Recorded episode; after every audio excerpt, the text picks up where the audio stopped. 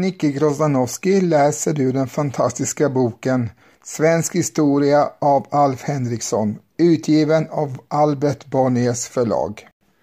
Atlant eller Manhem en annan, nästan lika ryktbar eldsvåda som den i Stockholms slott 1697 härjade fem år senare hela Uppsala, där domkyrkan, slottet och en mängd andra byggnader lades i ruiner. Vid eldsvådan skriver den flitige bokförläggaren, nyromantiken Uppsala-professorn Wilhelm Fredrik Palmblad i en uppsats som ligger till grund för bland annat en välkänd dikt av Snolsky stod den gamla Rudbeck i domen över Gustavanium och kommenderade sprutorna med denna djupa basröst som fordom med beundran hördes i Hollands kyrkor och som nu, enligt sägen, förnams ända ner i Svartbäcken. Ja, han var själv slangförare och räddade därigenom akademin och därtill förvarade biblioteket. Han övergav icke denna post vid underrättelsen att elden fattat hans eget hus. Vid 72 års ålder var han alltså husvill. Ett nytt tak kunde han dock skaffa sig, men oersättlig var förlusten av Atlantikans sista del. Av kamp i Alisei, frukten över 30 års mödor, av åtskilliga andra outtryckta verk, av hans många och stora samlingar utav modeller, ritningar, ålderdomslämningar och så mycket, mycket annat, som nu låg förvandlat till aska. Olaus Rudbeck vars rykte för mångsidig lärdom och kunskap har trotsat tidets tand, hade själv byggt Gustavanium, låtit stenlägga gatorna och uträttat mycket annat sådant i Uppsala, där han var rektor och styrelseman för akademin i många år av oavbruten fejd och fiendskap med professorliga kollegor. Han hade börjat sin bana som medicinarie och gjort upptäckter beträffande lymfkärlens byggnad och betydelse. Han lär dessutom ha varit en duktig tekniker som konstruerat kvarnar, vattenverk och varjehanda maskinerier samt på regeringens uppdrag prickade ut farlederna i Mälaren. Han var vidare en flitig tecknare och satte i den egenskapen igång med att skapa fram ett botaniskt jätteverk med titeln Campi Alisei eller Glyisvall. Det skulle innehålla bilder och beskrivningar av alla kända växter. 11 000 färdiga stockar med träsnitt brann upp i den stora eldsvådan och bara en volym av det stora arbetet hann komma ut. Till stor skada för författarens eftermäle förintades däremot inte alla exemplaren av det ryktbara verk som brukar kallas Rudbecks Atlantica och på svenska bär den långa titeln.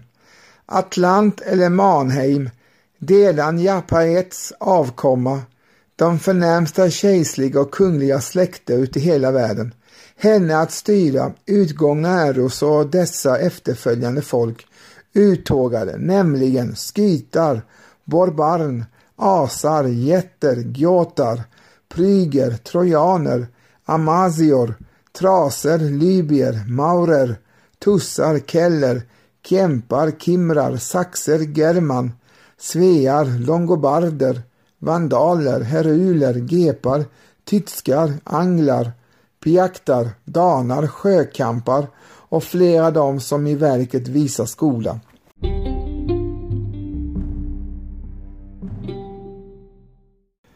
Det märkvärdigaste med Atlantikan är nog att den kom ut till så sent. När Rudbeck i dess fjärde del lade ner sin penna var 1700-talet redan inne och tidsandan inte så mottaglig för detta slags historieskrivning. I och för sig är verket inte enastående i europeisk litteratur. På svensk botten fanns ju redan Johannes Magnus och Olaus Magnus skrifter och samtida motsvarigheter till den förstnämnda kungakrönika såg dagens ljus i diverse länder där det gällde att göra det egna folkets föregångna så storslaget som möjligt. Men Olaus Rudbeck var ingen 1500-talskrönikör utan en framstående naturvetenskapsman vars förmåga av observation var ovanlig. Hans verk vimlar av klarögda och korrekta iakttagelser som hade varit värda ett bättre öde än att hamna i en härva av våghalsiga kombinationer och monumental patriotisk galenskap. Till skillnad från Stjärnhjelm vars etymologiska tokerier han fullföljt och utvecklat hade Rudbeck föga sinne för språk, vilket inte hindrar honom att ivrigt uttala sig även i sådana ämnen. Faktiskt är verket rätt illa skrivet i en överlägsen grötmyndig ton som nog måste ha känts påfrestande för författarens samtida, vilka förväntades ta innehållet på allvar och verkligen också gjorde det. Sentida läsare för vilka Atlantikan blott är ett idéhistoriskt dokument undgår däremot knappast att finna nöje i lektyren. Det har rent av funnits omdömesgilla personer som menat att författaren bara skojade och endast hade velat skriva en rolig och tokig bok. Det trodde sålunda Fredrik Rus som i sin svenska historia talar om den fantasirike Rudbecks verk såsom fullt av snille, skarpsinnighet och en omättlig lärdom, men vilken han efter egen bekännelse endast författat i avsikt att roa läsaren. Rus stöder sig på en tysk tidskriftsuppgift där det tycks ha stått att Rudbeck i något sällskap hade erkänt detta.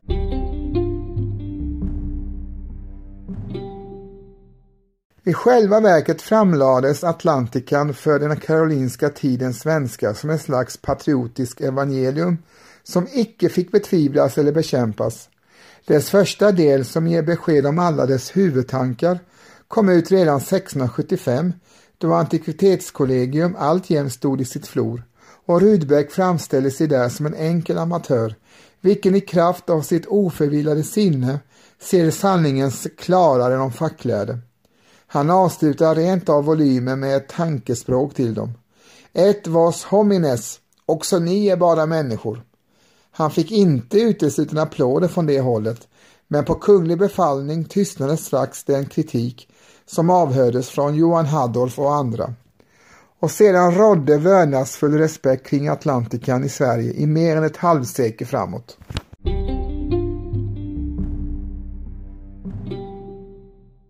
Rydbeck börjar sitt verk med en del spekulationer om fornhistoriens källor. Folksägner, säger han, har bibehållit sig mera oförvanskade i det aldrig invaderade Sverige än i andra länder. Greker, romare, egyptier, kaldéer, vilka icke kan misstänkas för att ha velat lovprisa oss, har skrivit en del som stämmer bra ihop med dessa sägner. De har också beskrivit våra orter och stammar, trots att de har begått en del misstag som lätt låter sig rättas till. Andra vittnesbörd om vårt stora förgångna är de gamla förfallna borgar och märkta stenar som förekommer talrikare i Sverige än på andra håll. Han övergår sedan till en språklig undersökning i Stjärnheims anda och finner att svenska språket måste vara det äldsta bland annat av det skälet att det är bara svenskar som kan uttala alla bokstäverna i ord som spjut, bjuda och andra. Tyska och latina kastar bort bokstäver och säger respektive sper, spiculum, bitten och petere. I nästa kapitel får man veta att efter syndafloden, när det alltjämt var ont om villebråd i de unga skogarna, måste Noaks efterkommande ha levt mest på fisk och det finns ingen trakt på jorden där det är så gott om fisk som i Norden, där också de flesta ätbara fåglarna häckar. I Norden är det för övrigt på alla sätt rejält med maten, medan man i södern mest nödgas leva på frukt. Dessutom förökar sig folket snabbast här uppe. Här är det gement att avla 5, 6, 8, 10, 12, 14 barn. Och åter många som bekommer till 18, 20, 24, 28, ja till och med 30 barn. Här kan alltså mänskligheten raskt ha förkovrat sig. Det finns för övrigt ett ovärsägligt bevis för att Sverige var bebyggd bara något århundrade efter syndafloden.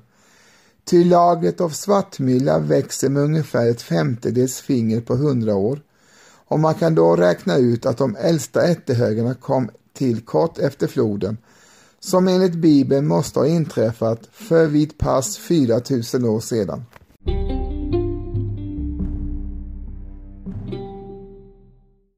Rydbeck kommer därefter fram till sitt egentliga ärende genom att referera Platons berättelse om den sjunkna ön Atlantis och konstatera att beskrivningen på dess huvudstad exakt passar in på Uppsala. Visserligen visar Platon ibland klarliga sin skaldiska art att skriva Hav, sjöar och åar kallar han för gravar och diken. Och han talar om vin och elefanter när han själva verket menar mjöd och ulvar. När Platon vidare säger att Atlantis blev dränkt av havet så är det ingen översvämning han talar om, utan det hela är en artig gåta som beskriver Sveriges första och största uttåg. Kungarna och hövdingarna i Atlantis var enligt Platon klädda i blå mantlar, vilket ju är en svensk färg som ingår både i flaggan och i flottisternas och livregementets uniformer. Allting stämmer alltså förundligt väl och i de följande kapitlen får man veta mer om vårt lands stora förflutna. Kungen där kallas Atle, vilket var en äretitel från Noaks tid. Hyperboerna som Herodotos talar om är identiska med uppsviarna. De Yverborne. Radamintas, en av domarna i underjorden enligt Platon, var en svensk rådman, vilket ju hörs på namnet. Longobarderna var ett slags svenskar som bar långa hillebarder. Väringarna kom uppenbarligen från världen och även från Värnamo. Argonauternas resa gick genom Sverige och Finland via Luleå och Ule. Assur är lika med Assator. Merkurius betyder märkesman, det vill säga en skrivkunnig man som kunde sätta ut stjärnors och dagars märken. Bal är en förvrängning av Balder. Herkules kommer av Herkulle, vilket betyder den högste i hären. Både Bal och Herkules var sålunda svenskar som tidigt drog ut härifrån för att erövra sydliga regioner. Trojaner och flyger härstammar också från Sverige och berget Ida, alias Idreberget, ligger i Dalarna, 9135 alnar över havet och är ett av de högsta i världen, under det att de bergen i mindre Asien inte alls var så höga. Berget Ida, varmed Rudbeck tycks mena hela den skandinaviska fjällryggen, är också fullt av järnmalm och därifrån drog våra fäder ut och byggde staden Troja. Det frygiska språk som talades där är i själva verket svenska. Troja betyder tröja i betydelsen pansartröja, omgjord av fäste och det närbelägna Pergamon eller Bergamum är en förvanskning av det svenska berg. Någon tid efter frygernas uttåg från Sverige var det de yverborna skyternas tur att uttåga, vilket de gjorde under namnet galler, det vill säga kallar eller kämpar. Ty Kalle är på svenska en manhaftig man. Galilea är kallernas eja, männens land.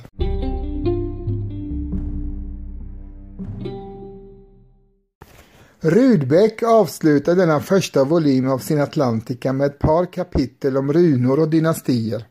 Att feniciernas och grekernas alfabet grundar sig på de nordiska runorna bevisas naturligtvis väldigt lätt och en genealogisk sammanställning ger vid handen att av det atlantiska släktet räknar icke allenast de grekiska konungar och hjältar utan dock många andra folk konungar sin härkomst.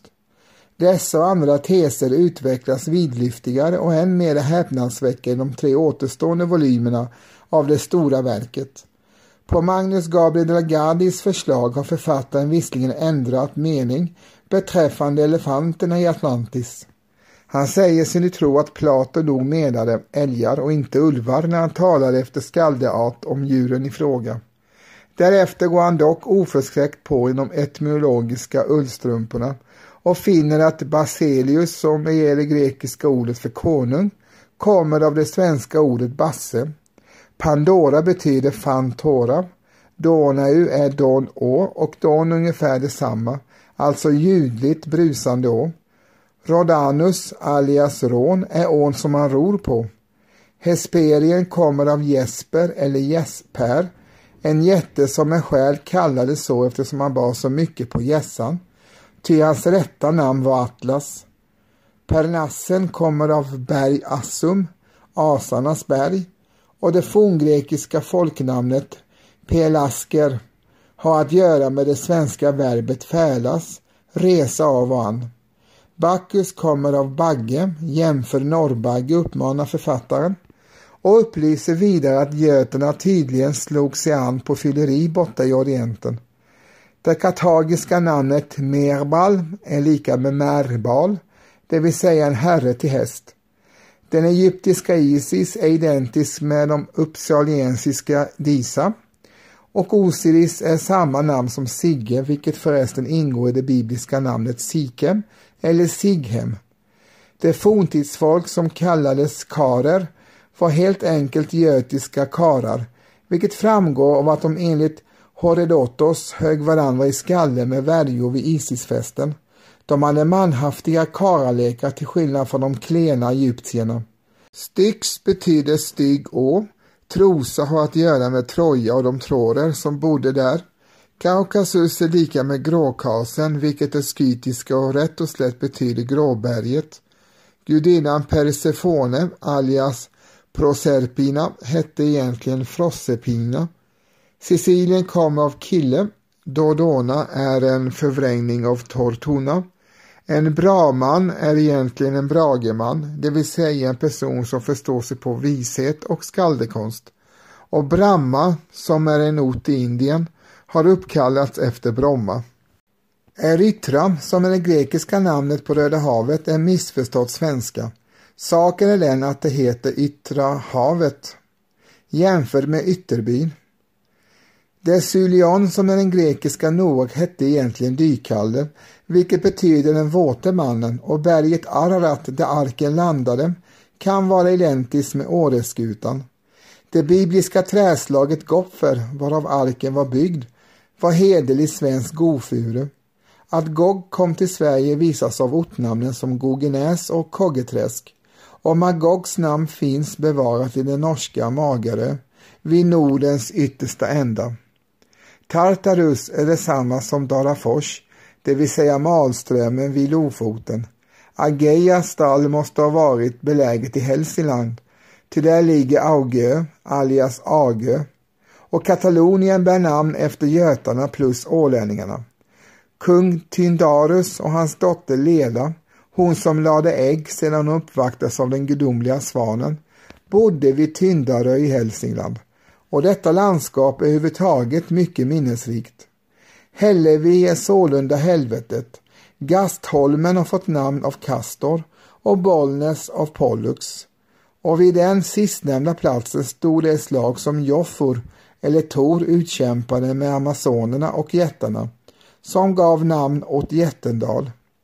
Tor drog sedan ut och erövrade hela världen och delade upp dem mellan sina svenska vänner och fränder innan han dog i Knöse på Kreta. Hans bockar var förresten två belägringsmaskiner. Den ena var en murbräcka som bestod av en stock under en träbock. Den andra bocken var av ihålig koppar och användes till att slå in eld i fientliga palissader. Han hade också en skinnmär, vilket på grekiska blev chimera. Tor kallades på gamla dagar Gebötor, vilket romarna förvrängde till Jupiter och perserna kallade honom för zoraster eller egentligen Soraos, Tor, vilket betyder duktige asator. Det var han som var överkonung vid bygget av Babels torn. Ljusnan är Gylisfloden ut i Häll och landskapet däromkring hedrades av de antika författarna med namnet Glysisvall eller de lycksaliga öar därför att människorna hade så många dygder där.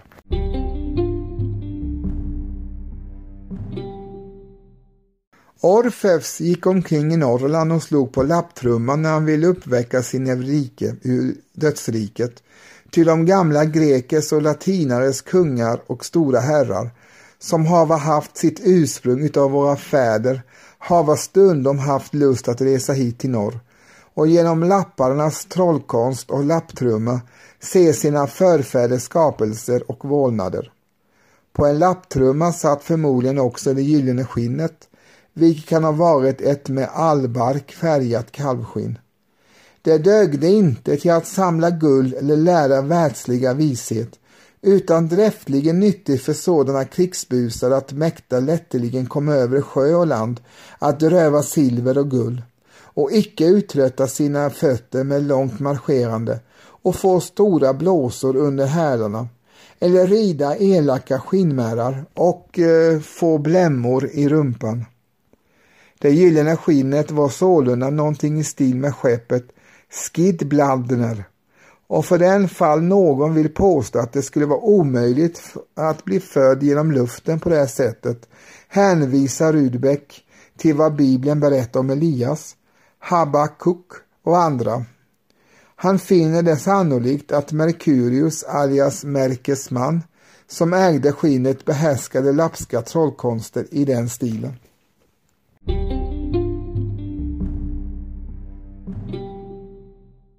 Upptäckten att Rudbeck delade sin tids trolldomstro känns på något sätt befriande.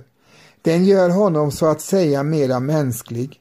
I stor dos kan Atlantica nämligen bli en smula kuslig lektyr genom den rationalism och handfasta saklighet varmed författaren framlägger sitt luftiga vanvett.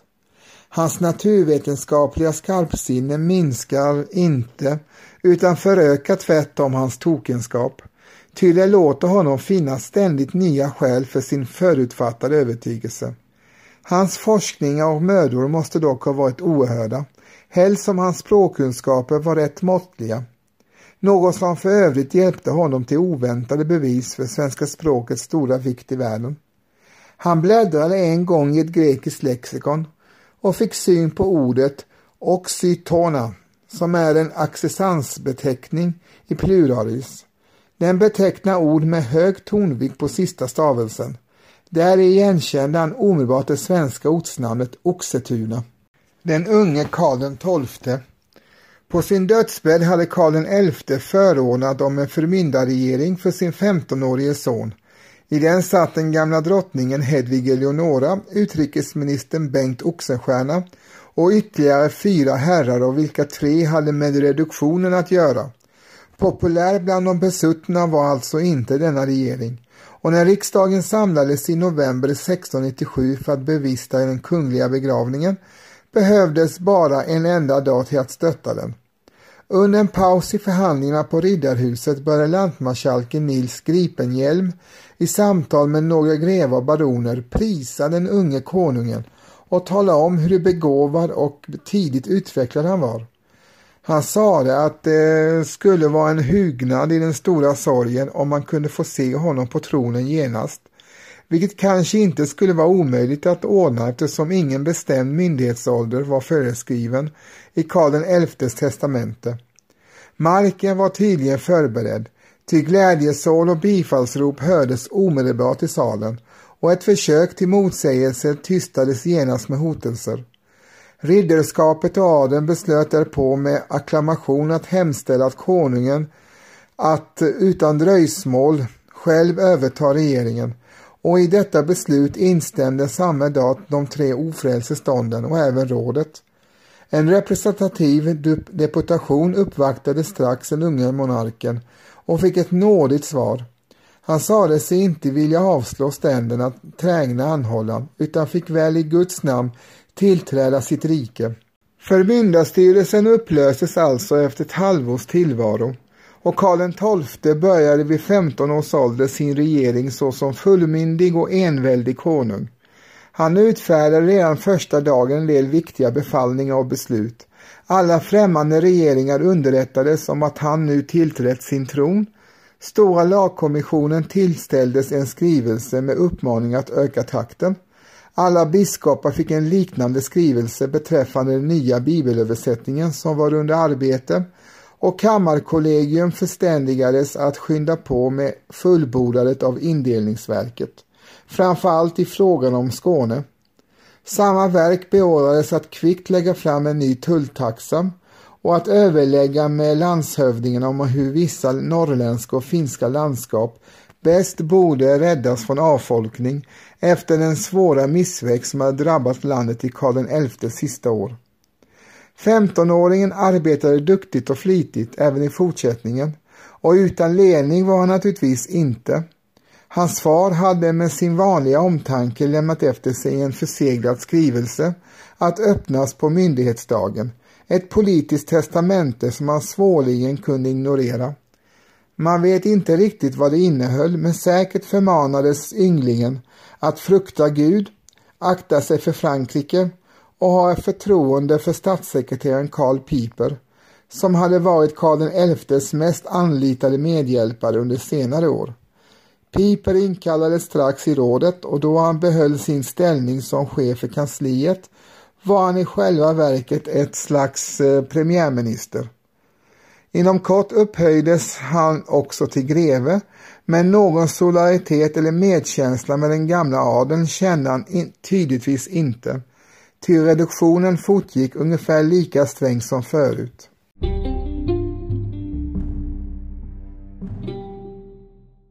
Ett minnesvärt spektakel var Karl XIIs kröning som nämligen inte var någon kröning.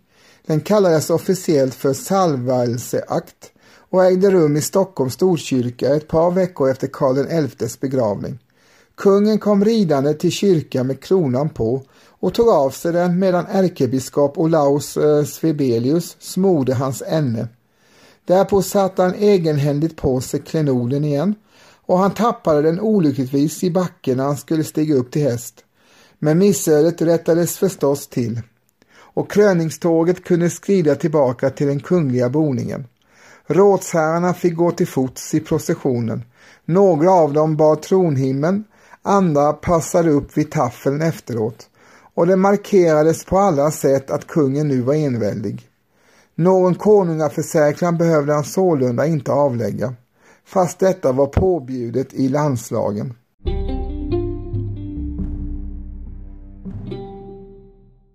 Vintern då allt detta skedde var ovanligt sträng, men den ena främmande resesällskapet efter det andra var likväl ute och åkte släde på de svenska vägarna och arbetade sig med möda fram genom snödrivorna till Sveriges huvudstad Stockholm.